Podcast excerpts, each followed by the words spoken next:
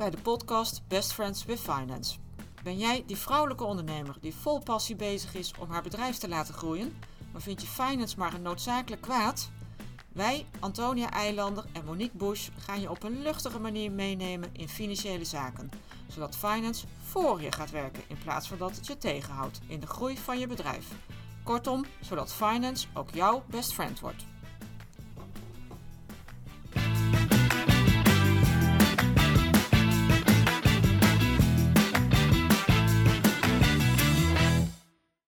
Hallo, wat leuk dat je weer luistert. Antonia en ik zitten weer, nou, zoals je inmiddels van ons gewend bent, eh, bij elkaar om een nieuwe podcast op te nemen.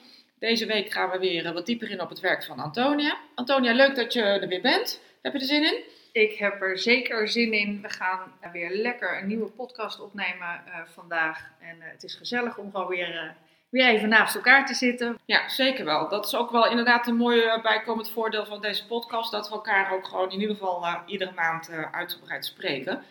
Antonia, wij hebben altijd heel veel onderwerpen om te bespreken, maar wat heb je voor deze podcast uitgekozen? Voor deze keer heb ik uitgekozen uh, eigenlijk een stukje uh, terug naar de oorsprong in het order-to-cash proces. Daar hebben we het natuurlijk al eerder uh, over gehad in, in vorige podcast. Order-to-cash is natuurlijk niks anders dan het, het hele proces tussen het moment dat die klant binnenkomt en dat het geld op de rekening staat. En ergens in het midden daarvan uh, zit het facturatiestuk. Facturatie is iets waar eigenlijk een beetje uh, overheen gekeken wordt uh, vaak. Dat is dan één keer ingericht en dat is dan, nou ja, wat het is. Vind ik vaak een gemiste kans, omdat ik ook heel vaak zie dat een factuur niet tijdig genoeg eruit gaat, niet juist genoeg eruit gaat. Een gemiste kans. In die zin omdat het gewoon tijd en tijd is geld. Ja. Uh, zeker als je dan kijkt naar DSO, waar we toch altijd erop uit zijn om te zorgen dat die factuur zo, zo kort mogelijk uitstaat. Hè? Mm -hmm. dat, we, dat we het proces tussen dat die factuur eruit gaat, het geld binnenkomt, dat die periode zo kort mogelijk is. Want dat is natuurlijk je day sales outstanding. Wat was uh, dat ook alweer precies? We hebben het al wel eens over gehad, ja. over die DSO, maar het is misschien goed om nog even terug te halen. Want voor ons is dat wel een uh, bekend begrip, maar voor onze luisteraars natuurlijk niet altijd. Nee, nou ja, simpel gezegd komt het erop neer dat dat cijfer, dat staat eigenlijk voor het aantal dagen dat een factuur gemiddeld open staat vanaf het moment dat de factuur gecreëerd wordt totdat het geld op de rekening staat. Dus, en daar zit wel, en dat is dus niet alleen maar hoeveel dagen betalen ze gemiddeld te laat bijvoorbeeld, ja. maar dat is echt ook je betalingstermijn die je hebt afgesproken met een klant, die zit daar ook in. Ja. Antonia, je zei net uh, heel duidelijk dat die DSO gaat lopen vanaf het moment dat de factuur verstuurd uh, wordt. Dus de periode daarvoor zit dan natuurlijk niet in de DSO berekend. Nee, nee, dat klopt. En dat is eigenlijk heel erg zonde, want dat is een, stukje waar je wel geld hmm. verliest, of, hè, waar je vertraging oploopt in je proces. Uh, maar wat in de meeste KPI's, want DSO is toch de meest standaard gebruikte KPI, niet meegenomen wordt. Nou, dat snap ik dan heel goed. Je moet natuurlijk zo snel mogelijk die facturen de deur uit doen. Nou is jouw onderwerp van vandaag is de factuur aan zich. En dan denk ik, en heel veel luisteraars waarschijnlijk met mij, ja, een factuur is toch een factuur. Hoe gaan we daar een hele podcast over vol uh, praten? Maar blijkbaar zijn er dan toch heel veel zaken binnen de factuur waar we op moeten letten. ja, ik denk dat er heel veel, klassificeer ik eventjes uh, heel generalistisch, moderne ondernemers die met een pakketje werken waarin automatisch, zeker als je online business doet, mm -hmm. online uh, verkoopt of je hebt dan toch een, een, een, boekhoudpakket wat automatisch die, die facturen uitspuugt. Maar daarin is het wel belangrijk om te blijven kijken en te blijven onderzoeken van hey, gaat het nou wel zo snel, gaat het wel goed? Uh, voldoet mijn factuur nog aan de eisen die ik eigenlijk eraan heb? vaak is het iets wat één keer ingericht wordt en vervolgens wordt er nooit meer uh, naar gekeken totdat er een keer iets van een systeem gewisseld wordt. Mm -hmm. En ik merk, en dat is bij kleine ondernemers zo en dat is bij grote bedrijven is dat eigenlijk hetzelfde. Ja. Er worden vaak heel veel labmiddelen overheen gehangen, heel veel pleisters geplakt. Ja. Pleisters op pleisters van, oh deze klant wil hem eigenlijk zo, deze klant wil hem eigenlijk zo. Uh, wil een verzamelfactuur willen klanten soms. Ja. Uh, bepaalde dagen, uh, bepaalde format. En dan, nou ja, dan ga je elke keer een aanpassing maken op, op het bestaande stuk. Terwijl het soms gewoon handig is om even terug te stappen en te kijken: hey, doe, is mijn, mijn basisfacturatieproces, is dat nog wel voldoende ja. voor wat ik nodig heb? Hele goede tip, ja. Want ik zie dat zelf ook al. Je richt dat één keer in en dan vervolgens kijk je er eigenlijk nooit meer naar. Omdat je ervan uitgaat dat dat uh, goed is. Uh. Ja, precies. precies. En, en daarbij komt dat het is natuurlijk niet alleen het facturatieproces. Hè. We hebben het natuurlijk wel over facturatie uh, aan zich en over de factuur. Maar ook bijvoorbeeld betalingstermijnen. Dat is ook onderhevig aan veranderingen. Dus bijvoorbeeld wetgeving die verandert. En daar hebben we het straks ook nog eventjes over. Die vooral voor MKB en zelfstandige ondernemers echt wel belangrijk is om te weten. Wat zijn, nou je, wat zijn nou de wettelijke vereisten, maar wat zijn ook je rechten? Ja. Uh, zeker als je zaken doet met grote bedrijven, wel eens gebeurt en die proberen dan hun eigen uh, sausje daaroverheen ja. te gooien, hun eigen betalings- en hun eigen inkoopsvoorwaarden. En dat heb je als, uh, als zelfstandig ondernemer dan vaak niet in de gaten. En dan ga je daarmee akkoord omdat je graag business wilt doen. Ja. Maar wettelijk gezien zijn er dus echt wel wat dingen veranderd het afgelopen jaar. Waar ik merk dat nog niet iedereen goed genoeg van op de hoogte ja. is. Uh, en daar, ehm, ja, daar dingen laat liggen. Ja. Dat is zonde. Dat, dat hoeft niet. Nou, goed dat we het daar dan vandaag over hebben. Ja. Helemaal top. Ik hoor jou inderdaad zeggen, er zijn een aantal wettelijke vereisten aan de factuur. Je hebt rechten en plichten, maar je hebt natuurlijk ook nog heel veel zaken die, heel veel tips ja. die op een factuur moeten om te zorgen dat die ook zo snel mogelijk betaald wordt. Dus ik denk dat het een hele interessante podcast voor vandaag kan worden. Nou zei jij net ook iets over inkoopvoorwaarden. En toen dacht ik meteen, denk, oh ja, inkoopvoorwaarden. Je hebt natuurlijk algemene verkoopvoorwaarden, algemene inkoopvoorwaarden. Uh, is helemaal niet het onderwerp van vandaag. Maar is misschien wel iets wat we ook op het lijstje moeten zetten voor de onderwerpen. Ja. Want net, jij zei net al van nou, als mensen eh, de inkoopvoorwaarden van de klant accepteren, dan, nou ja, dan zijn je eigen verkoopvoorwaarden natuurlijk niet van toepassing. Kom je dat in de praktijk veel tegen dat dat misgaat? Nou ja, vaak kom je daar pas achter op het moment dat er echt niet betaald wordt of dat er echt een conflict uh, ontstaat en dat het juridisch wordt. En dat er, uh, nou ja, dan gaat het van belang zijn wat er allemaal uh, precies is afgesproken, wat er is vastgelegd ik ben met je eens. Het is inderdaad, inderdaad wel interessant om daar, hè, zoals gebruikelijk komen we altijd wel weer nieuwe onderwerpen tegen tijdens het opnemen van onze podcast. En misschien is het ook leuk om daar een keer echt een expert in, in, uit te nodigen. Wat zaak is, wat ik, wat ik vaak zie, is dat eigen voorwaarden niet juist of duidelijk gecommuniceerd worden. Mm -hmm.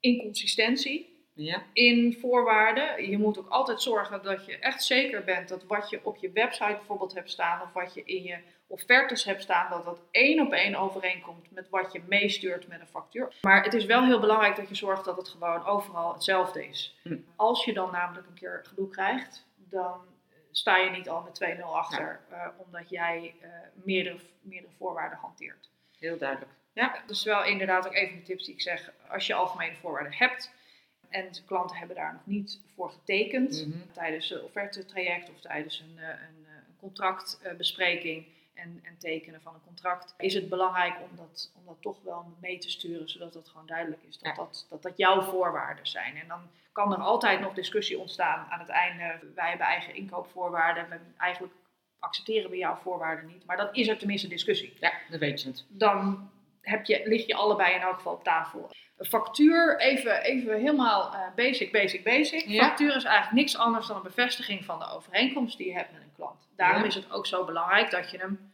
stuurt. Ja. Het is gewoon een juridisch document uh, eigenlijk. Er zit een juridische grondslag aan. Het toont de overeenkomst aan. Het toont, toont aan dat je een overeenkomst hebt met de klant. Het is ook belangrijk dat je ze stuurt om gewoon je eigen boekhouding op orde te houden. Mm -hmm. uh, en de boekhouding aan de kant van de klantzijde. En er zit een stukje fiscaal aan en een stukje, stukje verkoop omzet. Vereisten zitten er ook aan. Je hebt natuurlijk je BTW-aangiftes die, je, die je allemaal moet doen. En omdat het een overzicht is van je geleverde diensten en of goederen, hè, die, die, die op je factuur hebt staan, is het ook belangrijk dat je hem stuurt. Anders ja. kan de klant ook niet het geld overmaken daarvoor.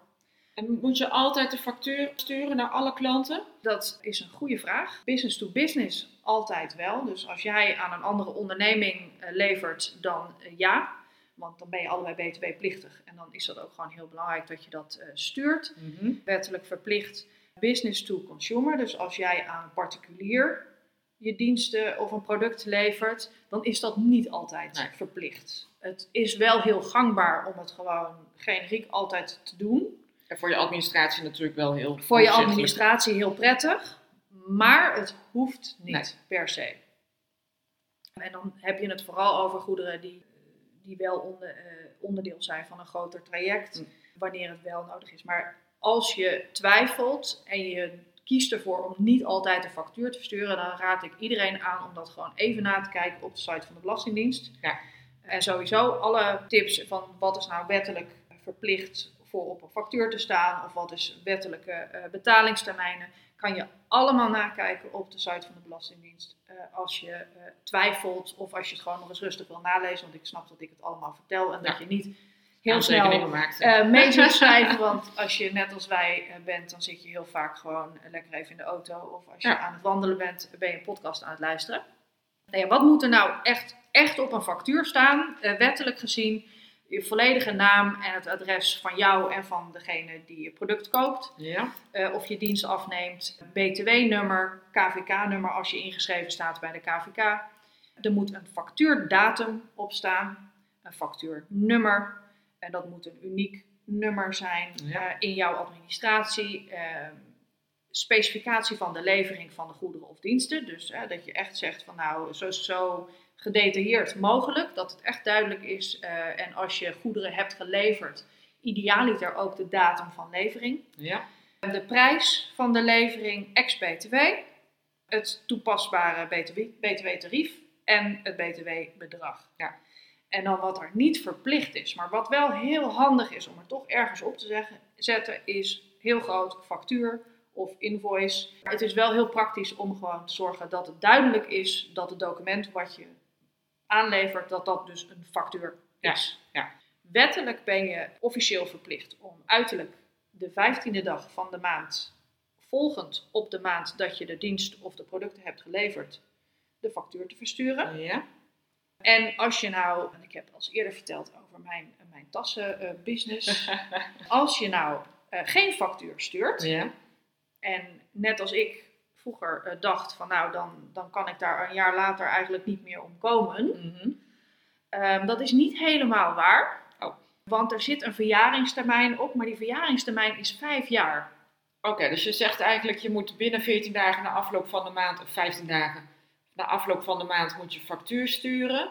Het mag ook nog steeds daarna, tot vijf jaar na nalevering Ja. van de goederen of diensten. Precies, nadat de, de officiële betalingstermijn voorbij is. En voor eh, producten die je levert aan particulieren Mhm. geldt dan twee jaar. Oké, Dus daar zit wel een klein onderscheid in. Again, je kan het nalezen op de site van de Belastingdienst. En zelfs als je dus binnen die vijf jaar besluit eh, nog geen factuur te kunnen sturen, kan je wel nog die verjaringstermijn verlengen. Dat noemen ze dan stuiten met een, eh, met een mooi woord. En hoe je dat doet, is de klant een aangetekende brief sturen. Tenminste, ja, je mag hem ook gewoon een brief sturen, maar aangetekend is altijd beter voor dit soort eh, dingen. Dan heb je zelf ook een bewijsje. En dan gaat gewoon nog weer eenzelfde verjaringstermijn in. oké. Dat is wel belangrijk om te weten. Kijk, hoe makkelijk het dan nog wordt om je geld te krijgen, Ja, dat wordt dat is moeilijk. natuurlijk een tweede ding. Maar het, je hebt het recht om, om toch nog te factureren. Aan de basis heb je een aantal verschillende soorten facturen. Eh, je hebt gewoon een standaard factuur, je hebt een commerciële factuur, die, die ze vooral ook wel gebruiken voor Ja. douaneplichtige eh leveringen. Periodieke facturen die je, waar je elke maand of elk kwartaal eigenlijk een, een deel Mm.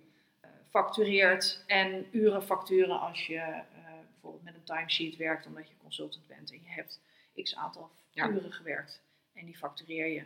Dan is er nog een proforma factuur, wat een beetje Ja, vreemde eend in de ja. bijt is. Dat zie ik best wel vaak pro forma. En dan denk ik, goh, wat is er nou eigenlijk pro forma aan de factuur? Ja, nou, proforma factuur is eigenlijk geen factuur. Oké. Het heet een factuur en proforma, als je het eh, vertaalt vanuit het eh, Latijn, is eigenlijk ook niets anders dan voor de vorm maken we een factuur. Mhm. En dat gebruik je vaak als mensen een vooruitbetaling moeten doen van een product of een dienst die je nog niet kan factureren, omdat je hem nog niet geleverd hebt.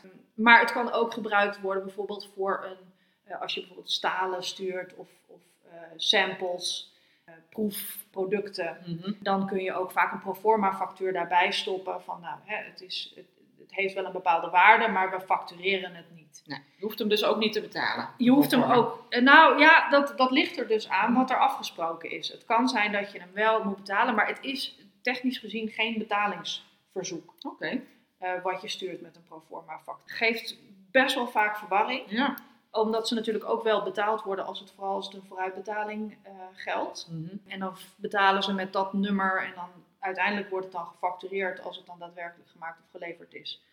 Eh, met een ander nummer en dat moet dan in je boekhouding weer, weer netjes Ja. weglopen tegen elkaar. Maar het is soms de enige manier om, eh, ja, om, om je proces toch eh, zuiver te houden en om de klant iets van een middel te geven van hé, hey, dit, Ja. dit is wat het ongeveer gaat kosten. Duidelijk. Dus, maar het is een ingewikkeld iets. Je, we zien hem vaak voorbij komen. En, en net wat ik zeg, vaak bij vooruitbetalingen. Omdat je dan wel het facturatiesysteem alvast kan gebruiken om een inschatting te maken van wat het ongeveer totaal gaat kosten. Ja. En als je dan bijvoorbeeld de afspraak hebt van nou je moet 50% betalen voordat wij iets gaan maken voor jou. Ja. Of voordat we eh, de dienst gaan leveren. Dan zeg je nou, middels je eigen facturatiesysteem kan je dat dan heel goed inschatten. Van het totaal wordt dan ongeveer, nou zeg eens 500 euro. En dan verwachten we dus dat je 200 euro betaalt Ja. vooraf. En daar kunnen ze dan die proforma factuur voor gebruiken. Maar uiteindelijk wordt het totale bedrag dan nog wel officieel gefactureerd. Nou ja, facturatie, ik, we hadden het eerder al even over. Het gaat veel eh, via online programma's op het moment. Eh, Word, Excel wordt ook nog wel gebruikt. Dan heb je gewoon een template wat je daar standaard voor gebruikt. Dat vul je één keer in en daarna ga je het gewoon aanpassen. En dan doe je het als pdf bij een mail. Het is allebei digitaal facturatie. Elektronische facturatie, dus e-invoicing, is echt wel weer wat anders. Want dat is factureer je eh, en dat gaat rechtstreeks eh, het systeem in. Het gaat in een ander format bij de klant. Ja. Er zijn een aantal landen die dat inmiddels verplicht hebben gesteld. Italië is daar één van. Polen is ook al zover. En in Nederland wordt er ook wel over gesproken. Eh, maar zover zijn we nog niet Nee, hier. Dus ik zou iedereen ook willen adviseren. Hou vooral in de gaten. Als je in het buitenland gaat factureren. om dat mee te nemen. En om dat even goed uit te zoeken. Wat de verplichtingen zijn. eh, wettelijk gezien. Aan Ja. jouw facturatieproces. Dat is natuurlijk gelijk alweer een super tip. Dat je er niet maar vanuit mag gaan dat hoe je in Nederland factureert, dat dat in het buitenland op dezelfde manier eh, is. Dus dat je daar dan wel inderdaad even op zoek moet gaan hoe dat. hoe Ja, dat zeker. werkt. Ja, want ik heb echt al grote bedrijven gezien die echt in de nesten zaten. Ja. Omdat er in Italië bijvoorbeeld automatisch met EDI gefactureerd moet worden. Mhm. En anders krijg je gewoon, ja, krijg je gewoon niet betaald. Ja. En als jouw systeem daar dan niet op ingericht is, ja, dan heb je echt wel een probleem. Dan Ja. moet je heel snel schakelen om te zorgen dat je een soort tijdelijke tussenpartij hebt die dat dan wel voor je kan, eh, kan Ja. regelen. Dan komen we nog even terug op die betalingstermijnen. Want Ja, ook een hele goede, ja. Dat is eh, wettelijk gezien ook geregeld. We hebben het steeds over contracten en overeenkomsten. Wat nou als je helemaal geen overeenkomst hebt en je hebt gewoon eh, ja, een soort handjeklap afgesproken, ik ga dit voor jou doen. Mhm. Eh, of je hebt het gewoon niet benoemd in je offerte, dat, dat kan. En je hebt geen duidelijke algemene voorwaarden. Zelfs als je dat allemaal niet hebt en als er gewoon geen enkele overeenkomst aan de grondslag ligt, is de wettelijke betalingstermijn is er gewoon geregeld. Dat is 30 dagen voor kleine bedrijven, voor overheid en voor grote bedrijven. Ja. Een wettelijke betalingstermijn, als je wel een overeenkomst hebt, is ook ingeregeld. Maar daar zit een maximum aan van 60 Mhm. dagen. En dat is allemaal, die dagen gaan tellen. En dat is ook een hele goede om te weten, na ontvangst factuur. Ja. Dus ongeacht welke factuurdatum jij op je factuur zet, Mhm. pas op het moment dat die klant die factuur ontvangen heeft, Ja. gaan die dagen lopen. Ja. En dat is met een reguliere factuur en een betalingstermijn vaak niet zo. Dan zet je toch de betalingstermijn erop Vanaf factuur. vanaf factuurdatum. En omdat we tegenwoordig bijna allemaal elektronisch of digitaal factureren, kan je dat ook gewoon goed, eh, eh, die aanname kan je maken. Hè, dat als ik hem vandaag maak, dat hij vandaag verstuurd wordt. Ja. Ehm, maar wettelijk gezien is het dus, als op het moment dat de klant hem ontvangt, dan gaan die 30 dagen lopen voor die wettelijke betalingstermijn. En dan wat er nieuw is, het afgelopen jaar, en wat inmiddels ook gehandhaafd wordt, Mhm. eh, want ze hebben een soort jaar, een soort grace period gelaten, omdat er al bestaande contracten waren en om, om dan iedereen de kans te geven om zich aan te passen, is dat er een verplichting is voor grote bedrijven om MKB en zelfstandige ondernemers binnen 30 dagen te betalen. Ja. Ehm, ja, dus ongeveer sinds, eh, sinds maart 22 dat, dat, dat, dat, dat die wet er is. Daar hebben ze dus een, een jaar tijd voor gegeven om iedereen dat eh, goed te doen. En dat is vanaf nu wordt dat echt, echt gehandhaafd. Ja. Dus als jij als kleine ondernemer, of kleinere ondernemer of MKB-bedrijf levert aan een grote partij. En als je wil weten van kla- klas- klassificeer ik als MKB of klassificeer ik als groot bedrijf, kun je dat ook wederom opzoeken uh, bij de KVK of bij de uh, Belastingdienst in welke categorie je valt. Maar op het moment dat jij een groot bedrijf bent, dan ben jij verplicht om al je MKB en zelfstandige leveranciers binnen 30 dagen te betalen. Dat is natuurlijk ook wel eerlijk, want je ziet vaak wel dat grote partijen daar enorm mee uh, treuzelen. En zo laten ze eigenlijk de kleine leveranciers laten ze het proces van de grote, grote klanten betalen. Terwijl een grote onderneming over het algemeen natuurlijk makkelijker aan financiering komt dan uh, nou, de ZZP'er of uh, de kleine ja. de MKB. Ja, en die zitten vaak, en daar is inderdaad staan er vaak grote uh, banken achter of staan grote partijen die daarin investeren. Ja. Nou ja, en dan eigenlijk een beetje resumerend. Ik heb natuurlijk een heleboel tips tussendoor gegeven, maar mijn, mijn hoofdtips voor facturatie voor dit onderwerp is echt factureer snel. Ja zo snel mogelijk. En dan komen we weer terug bij die, bij die verborgen DSO die je anders hebt. Hè? Dat, dus het is toch tijd die het, uh, dat je geld vastzit. Ja, dus die, die ondernemers die nog uh, van vroeger maar op de laatste dag van de maand gingen factureren, niet doen. Eigenlijk gewoon een paar keer in de week, ja, zodra het kan, zodra het kan. de factuur eruit. Ja, en dat is dan vooral inderdaad op het moment dat je, dat je nog handmatig factureert of dat je daar in je uh, boekhoudsysteem zelf een, een, actie nog voor moet ja. doen factureer first time right. Ja. Dus factureer correct. Zorg dat je de juiste gegevens van de klant erop hebt staan. Zorg dat, je, dat het bedrag klopt, dat er juist is. Zodat de klant hem ook gewoon meteen in, het, in hun systeem kan zetten en hem kan betalen. En stel ook gewoon eens de vraag, dat is mijn laatste tip, aan je klant. Hoe zij het liefst die factuur willen ontvangen. Want vaak is er ook een enorme DSO-winst te, te behalen als je een keer vraagt van goh, hoe wil jij eigenlijk die factuur hebben? Ja. Uh, als die klant nou bijvoorbeeld een portal heeft of die werkt met een bepaald boekhoudsysteem waar één extra dingetje op jouw factuur ervoor kan zorgen dat zij tien dagen sneller die factuur kunnen verwerken. Ja, dat is gewoon tien dagen tijdwinst. Dat zijn natuurlijk super goede tips. Want zeker bij grote bedrijven moet ook vaak het PO-nummer op de factuur vermeld worden. Of contactpersoon, of het is maar net ja. Eh, een bepaalde code. Het, kan van alles zijn, maar, maar stel gewoon ook de vraag is, het is en servicegericht hè, naar, je, naar je klanten toe van hey, hoe, hoe wil jij eigenlijk die factuur van mij ontvangen? Maar het, geeft, het levert aan jouw kant ook gewoon een winst op, een tijdwinst op en, en dus geld. Ja. ja, en ik vind dan alle drie de tips vind ik dan ook bijdragen aan de professionele uitstraling. En ik merk het zelf als ik aan de andere kant van de tafel zit. Dus als, als inkopende partij en ik krijg heel snel gewoon een goede factuur. Dan zorg ik eigenlijk ook dat die heel snel verwerkt wordt in het systeem. En als het echt twee maanden duurt voordat je een keer factuur ontvangt, dan denk je zelf ook van, nou ja, dat heeft allemaal niet zo van Blijkbaar vinden ze het niet zo belangrijk. Ze hebben geen geld nodig. Dus dan ben je zelf ook een beetje laks in het uh, verwerken. is natuurlijk niet goed. Maar ja, als je dat op de, met deze manier kunt voorkomen, dan heb je des te eerder heb je je geld weer op de bankrekening staan. Nou, ik had niet verwacht want we hebben echt best al uh, flinke, flinke tijd volgepraat. Ik had niet verwacht dat er zoveel over een factuur uh, te melden was. Dus ik vind het echt nou, super interessant. Leuk onderwerp. Ja, nou ja, ik, ik moet ook zelf zeggen, ik, ik ben er toch weer eventjes helemaal ingedoken voor mijn research. Ja. En ook ik kwam nog weer dingen tegen. Ik denk, ja, dat is eigenlijk wel zo. Maar daar sta ik ook gewoon niet vaak genoeg bij stil. Ik, uh, ik had ook niet van tevoren verwacht dat we, dat we er zo gezellig over door konden praten. Maar ja, nuttig, denk ik, voor iedereen die diensten of producten levert. Want je kan gewoon echt tijd winnen en, en tijd is geld. Nou, supergoed. Dankjewel weer voor het luisteren. Wij gaan uh, ons weer voorbereiden op een volgende podcast. Tot ziens!